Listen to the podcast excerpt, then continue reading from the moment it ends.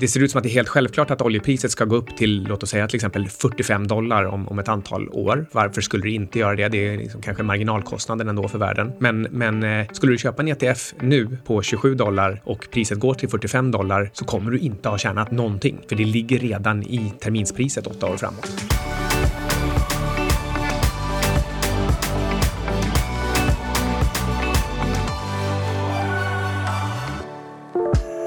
Du lyssnar på Outsiders. Ja, det är väl en himla tur det, för det här är enda stället man får veta vad som faktiskt händer. Precis. Vi, eh, precis innan vi skulle börja spela in så fick jag en lyssnarfråga. Ja, vad eh, är det för smart fråga? Jag, jag frågade eh, så här, vad ska vi prata om? Har du något tips? Och då tyckte han ja, men ni kanske kan prata lite om hedgar, men det behöver väl inte nödvändigtvis vara guld. Jag tänker att den här personen gärna får börja lyssna på podden. ja. I, eh, idag så eh, blir det lite råvaruspecial kanske man kan säga. Ska vi prata lite om- guld? Lite, vi ska prata men dels eh, olja, alltså förklara lite grann om contango och backwardation så eh, tydligt och pedagogiskt vi kan och vad det får för effekter eller, eller implikationer för hur man bör handla och investera i bland annat olja. Yes. Sen Och- kommer vi in lite på guld också. Ja, precis. Och eh, vi har faktiskt fått jättemycket mejl från eh, lyssnare och läsare som frågar mycket om eh, produkter att investera i eh, fysiska guld-ETFer, vilka som finns tillgängliga. Och då tänkte jag också att vi skulle kunna ta upp det här med missuppfattningar om valutaeffekten för guldinnehav. För en av de frågor som dyker upp här och där är att om jag äger det här guldcertifikatet i euro, hur eh, hedgar jag euron? Ja, precis. Vi, vi ska verkligen gå igenom det där i detalj så att det inte blir några konstigheter. Men, men i grund och botten så är det ju så att köper man guld så vill man ju att det ska vara guld, inte en valuta. Exakt. Men vi kommer det till det. Precis, och sen så bara kanske lite kort också, scenario för börsen efter den här björnstudsen. Ja, det kanske är den absolut vanligaste frågan jag får överhuvudtaget av alla jag känner och alla jag inte känner. Den vanligaste frågan som jag tycker i sig dyker upp är, nu är ni inte så kaxiga längre nu när börsen har vänt upp. Haha. Alltså, var inte vi en av de få som verkligen, verkligen sa att den här studsen kommer att vara en monsterstuds? Jo, absolut. Ehm, hur som helst. Ska vi prata contango och backwardation? Det här är ju eh, något som en råvarunörd som mig tycker är jätteviktigt. För att det här är någonting som få personer eh, som inte är insatta har egentligen bra koll på. Mm, så kan, innan vi bara, innan vi faktiskt går vidare och pratar om oljan så kanske vi bara lite enkelt ska förklara vad contango och backwardation är ja, eh, jag kan börja lite grann med normaltillståndet så får du ta det stökiga tillståndet. Och normaltillståndet det kallas för backwardation. Det är ingen, eh, ingen vettig människa som behöver komma ihåg vad det är eller att det heter så egentligen. Men, men vad det handlar om då är att då har man en situation där lagren är inte överfulla utan man har liksom normallager med, med gott om kapacitet och de är heller inte tomma.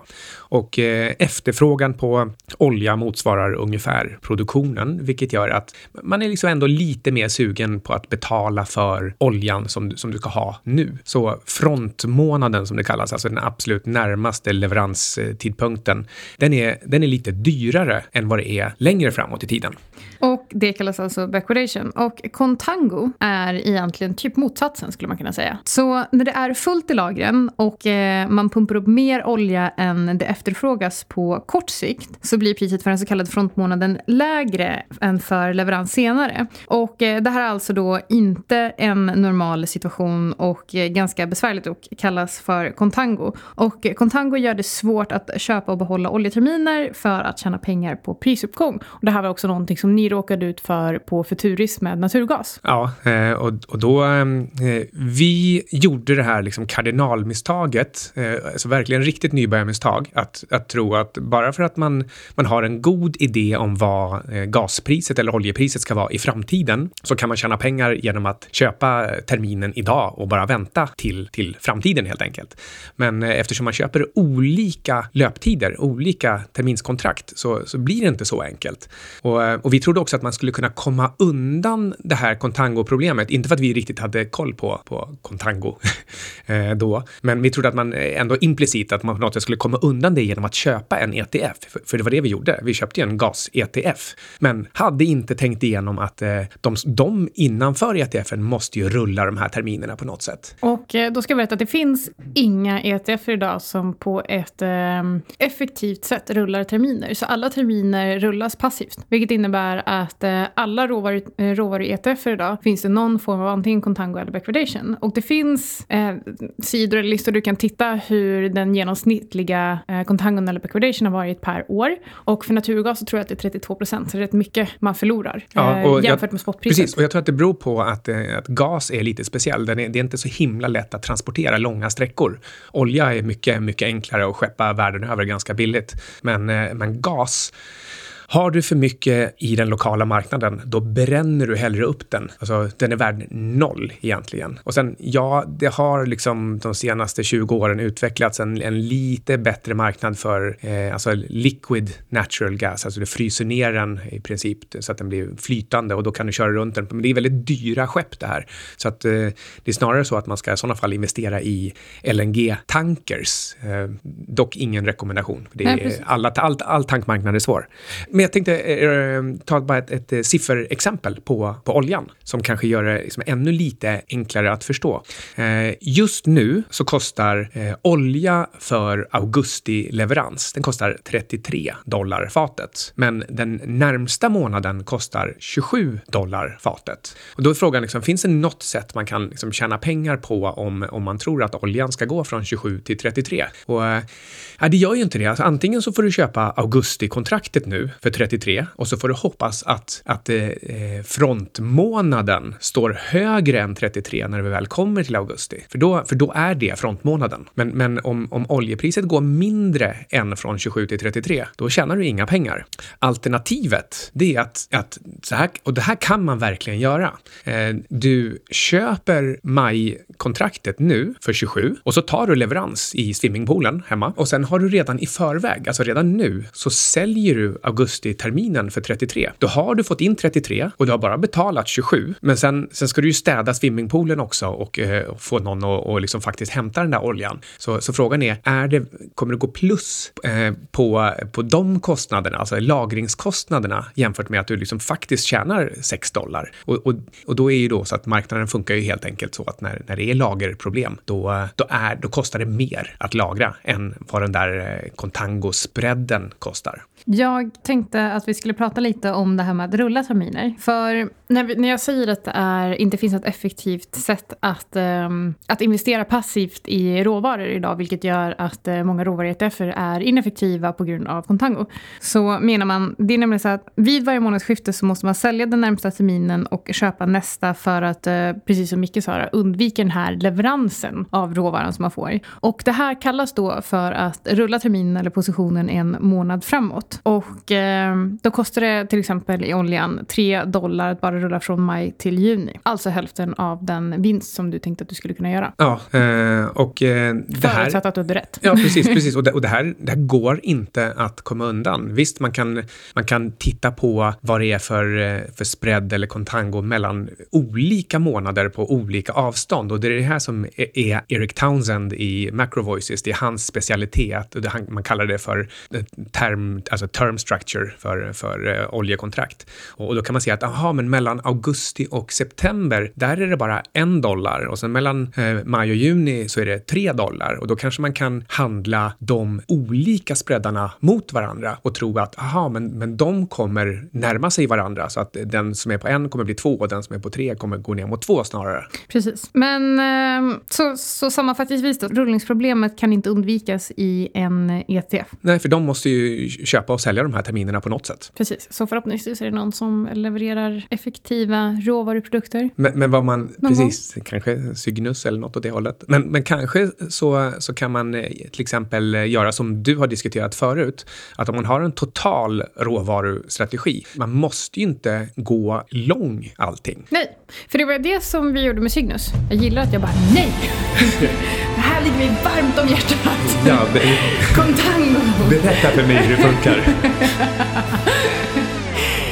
Vår grundidén med Cygnus var long only i exakt allt. Eh, tills eh, jag eh, bestämde mig för att acceptera defeat av Contango. Och sa att okej, okay, vi har ett univers av 16 jordbruksråvar, eh, jordbruksråvaror som eh, vi har eh, lagt i ett index som vi har byggt själva som är viktade baserat på likviditet i råvaran. Men eh, det, finns, det fanns två problem egentligen. För det första problemet var Contango, vilket innebar att eh, om vi bara skulle ligga lång hela tiden och bara rulla de här terminerna så skulle det ändå inte ge oss eh, det resultat som vi vill ha. Och eh, det andra problemet var att hela strategin bygger på att hitta olika tillgångar med låg korrelation till varandra och av de här 16 eh, jordbruksråvarorna så är tre stycken sojabönsrelaterade. Det är sojabönor, det är sojabönsolja och det är sojabönsmjöl. Och totalt utgör de här typ, alltså det är över 20 procent av, eh, av indexet. Och eh, alltså extremt hög korrelation eh, för de här råvarorna. Så att, två saker, vi bestämde oss för att vi använder oss, när vi tittar på spreaden mellan jordbruksråvaror och eh, aktier, då gör vi det enligt den här, eh, det här indexet. Då tar vi indexet mot S&P och så tittar vi på hur mycket jordbruksråvaror i relation till aktier vill vi ha i eh, fonden. Och eh, sen så använder vi bara jordbruksråvaror, eh, jordbruksråvaruindexet som ett univers. Det vill säga att okay, men det finns bra läge i de här råvarorna och de korrelerar inte med varandra. Dessutom är det låg contango eller kanske till och med backwardation i dem. Mm, och sen se att man eh, hittar en intressant korrelation mellan eh, naturgas och olja. Man kanske räknar på energiekvivalensen mellan de två olika. Definitivt inte en jordbruksråvara, men okej. Okay. Nej, nej, nej. Jag hoppade till råvaror eh, mm, generellt. Mm. Och eh, eh, då kan man till exempel, man kan ju vara kort oljan, liksom mer, mer, eh, alltså en bias mot kort olja tillfället och lång naturgas. Alltså dels så kanske det passar in i frökens eh, miljöprofil mm. Och det passar också in i eh, åtminstone oljans kontangomönster. Men tyvärr så blev den här spreaden som jag nu föreslog blir ju inte jättebra för, eftersom naturgas har ännu större kontango. Så, så helst hade man kanske då varit, velat vara kort både naturgas och olja och sen lång... Eh, kakao kanske? Kakao. Har de, eller... har de backwardation? jag har faktiskt inte stenkoll på hur kakao ser ut just nu, men kakao har eh, generellt eh, sett väldigt låg kontango. Emellanåt backwardation. Okej, okay, men då, då har vi ändå ganska bra koll på contango och eh, backwardation och det, liksom det man bara kan avsluta med att säga är att eh, luras inte att tro att det är så enkelt att bara för att det ser ut att finnas en positiv terminstruktur i, eh, i oljepriserna, att eh, eh, det ser ut som att det är helt självklart att oljepriset ska gå upp till, låt oss säga till exempel 45 dollar om, om ett antal år. Varför skulle det inte göra det? Det är liksom kanske marginalkostnaden ändå för världen. Men, men eh, skulle du köpa en ETF nu på 27 dollar och priset går till 45 dollar så kommer du inte ha tjänat någonting, för det ligger redan i terminspriset åtta år framåt. Mind blown. Vet du vad jag vill göra innan vi går vidare till att prata valutaeffekter och guld? Nej. Eller du det vill, ingår. Du vill, du vill eh, tala om något helt fantastiskt sätt där man har ett coolt kort som gör att man kan göra en massa häftiga saker. Valutahedga och köpa guld. Guld och skicka pengar till varandra som Swish fast bättre och snabbare.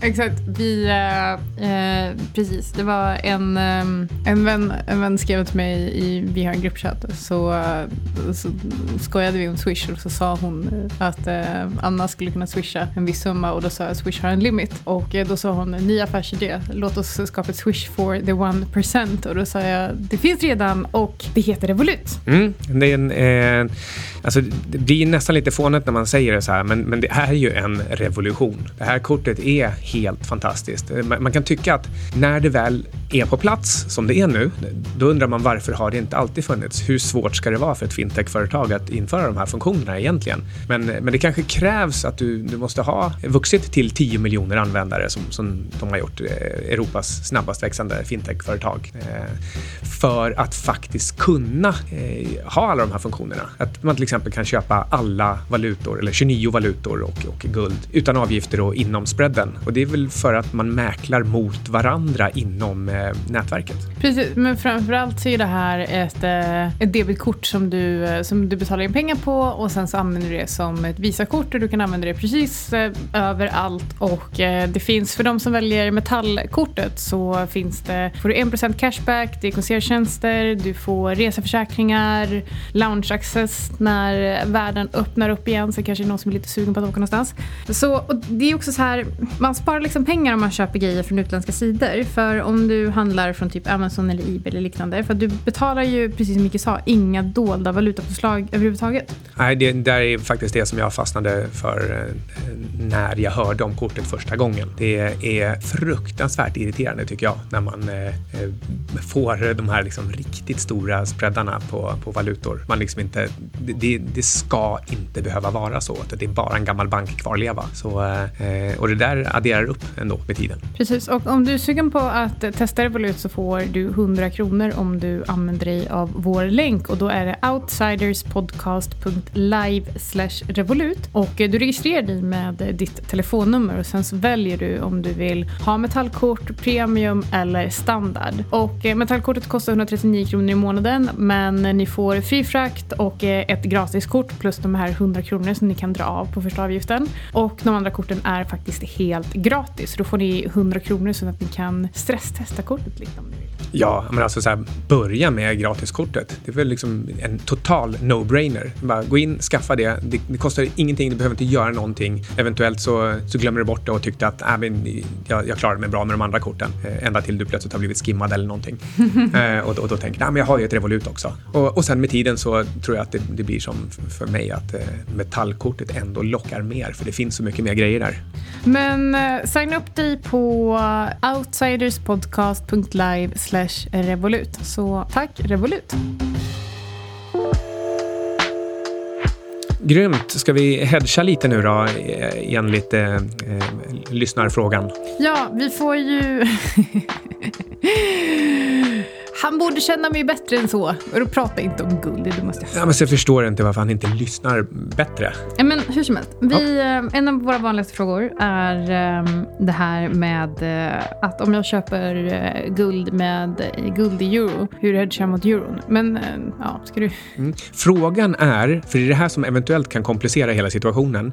Finns det ens hedgade, alltså valuta-hedgade guldprodukter? Finns det ens? Nej. Det gör inte det va? Alltså det borde inte finnas för det borde vara jättekonstigt. Ja. Eh, men, men, jag, eh, förstår, jag förstår inte riktigt vad det är man köper då. Nej, alltså, så här, jag, jag, kan ta en liten utvikning från hur Futuris, alltså hur man kan hedga, valuta hedga aktieköp. För det är också lite konstigt egentligen. Men, men på Futuris, då var det så, vi, har en, vi hade en euroklass och det innebar att våra kunder som köpte den här i euro, de var ute efter en viss procentuell uppgång varje år i euro. För du kanske satt i Europa, du köpte vår fond och om den den var upp 15 procent, då ville de att den skulle vara upp 15 procent i just euro. Och det betydde att om vi till exempel köpte Microsoft i dollar och Microsoft gick upp 15 procent i dollar, då såg vi till att eh, köpa och sälja valutor så att de där 15 procenten i dollar blev 15 procent i euro oavsett hur valutakurserna gick. Jag kan tycka att det där är nästan lika onödigt som med guld, men, men det finns kanske en liten annan poäng där ändå.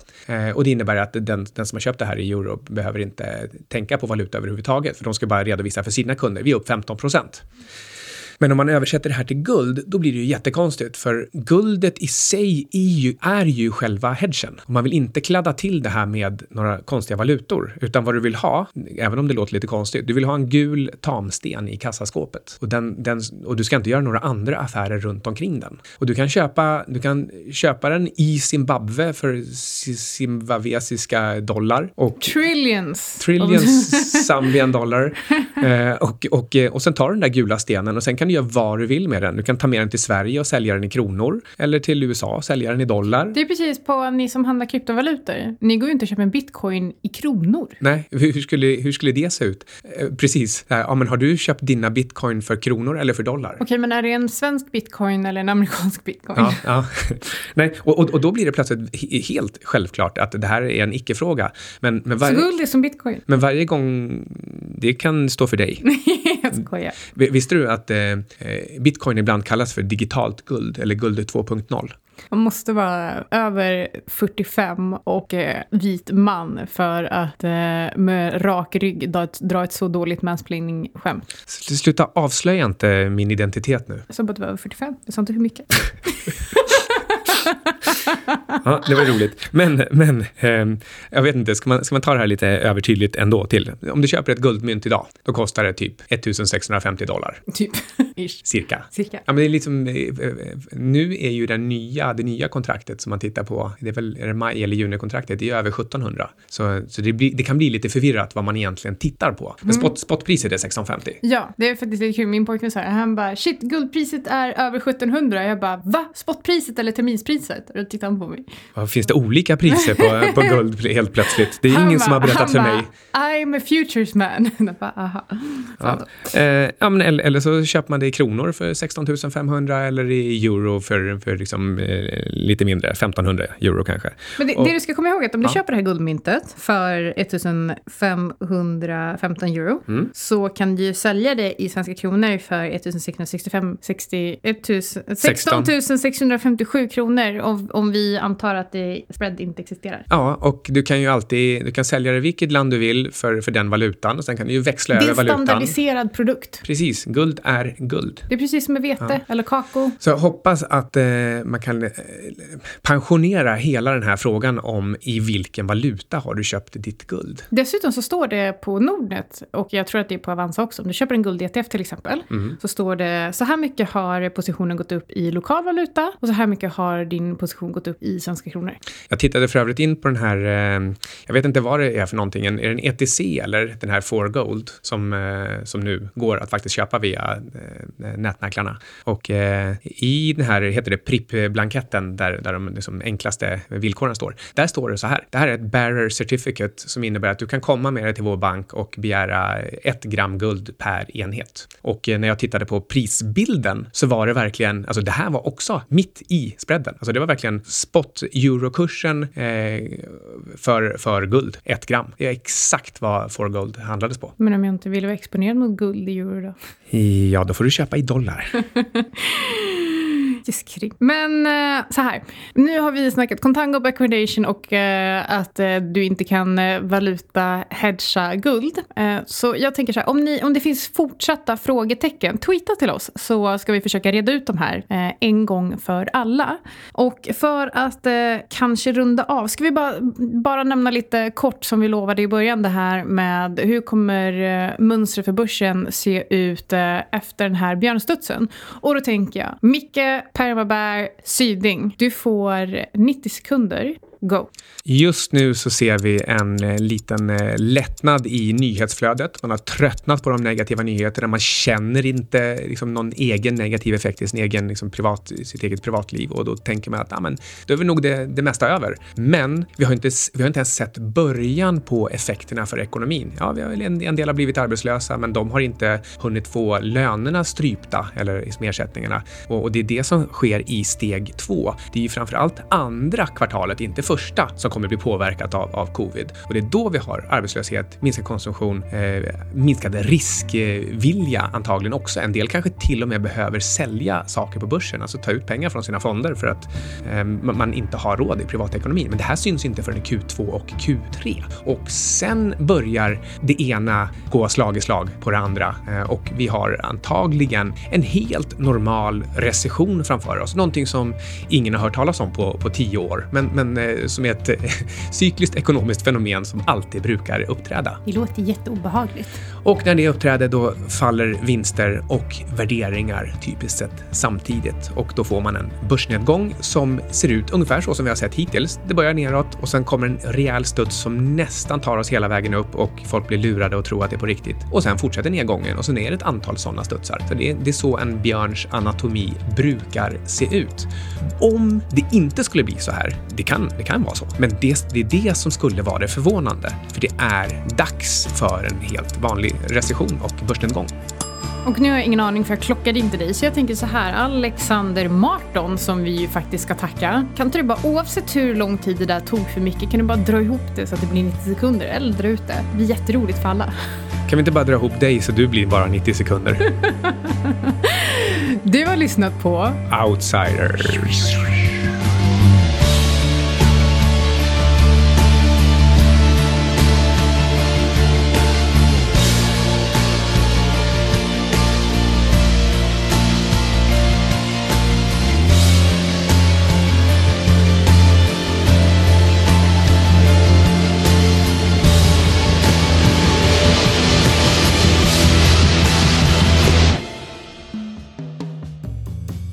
Ingenting som du har hört i uh, Outsiders har varit någon typ av uh, rekommendation. Så hur du än gör, försök inte få det till en rekommendation heller. Utan alla placeringar är förknippade med risk som gör att du kan förlora hela eller delar av ditt kapital. Vi äger emellanåt uh, vissa av tillgångarna som vi diskuterar i den här podcasten och våra sponsorer tar inget som helst ansvar för hur du handlar i de tillgångarna. Podcasten är menad för information och underhållning, även om vi förstås själva gör så gott vi kan när vi tittar på de olika tillgångarna.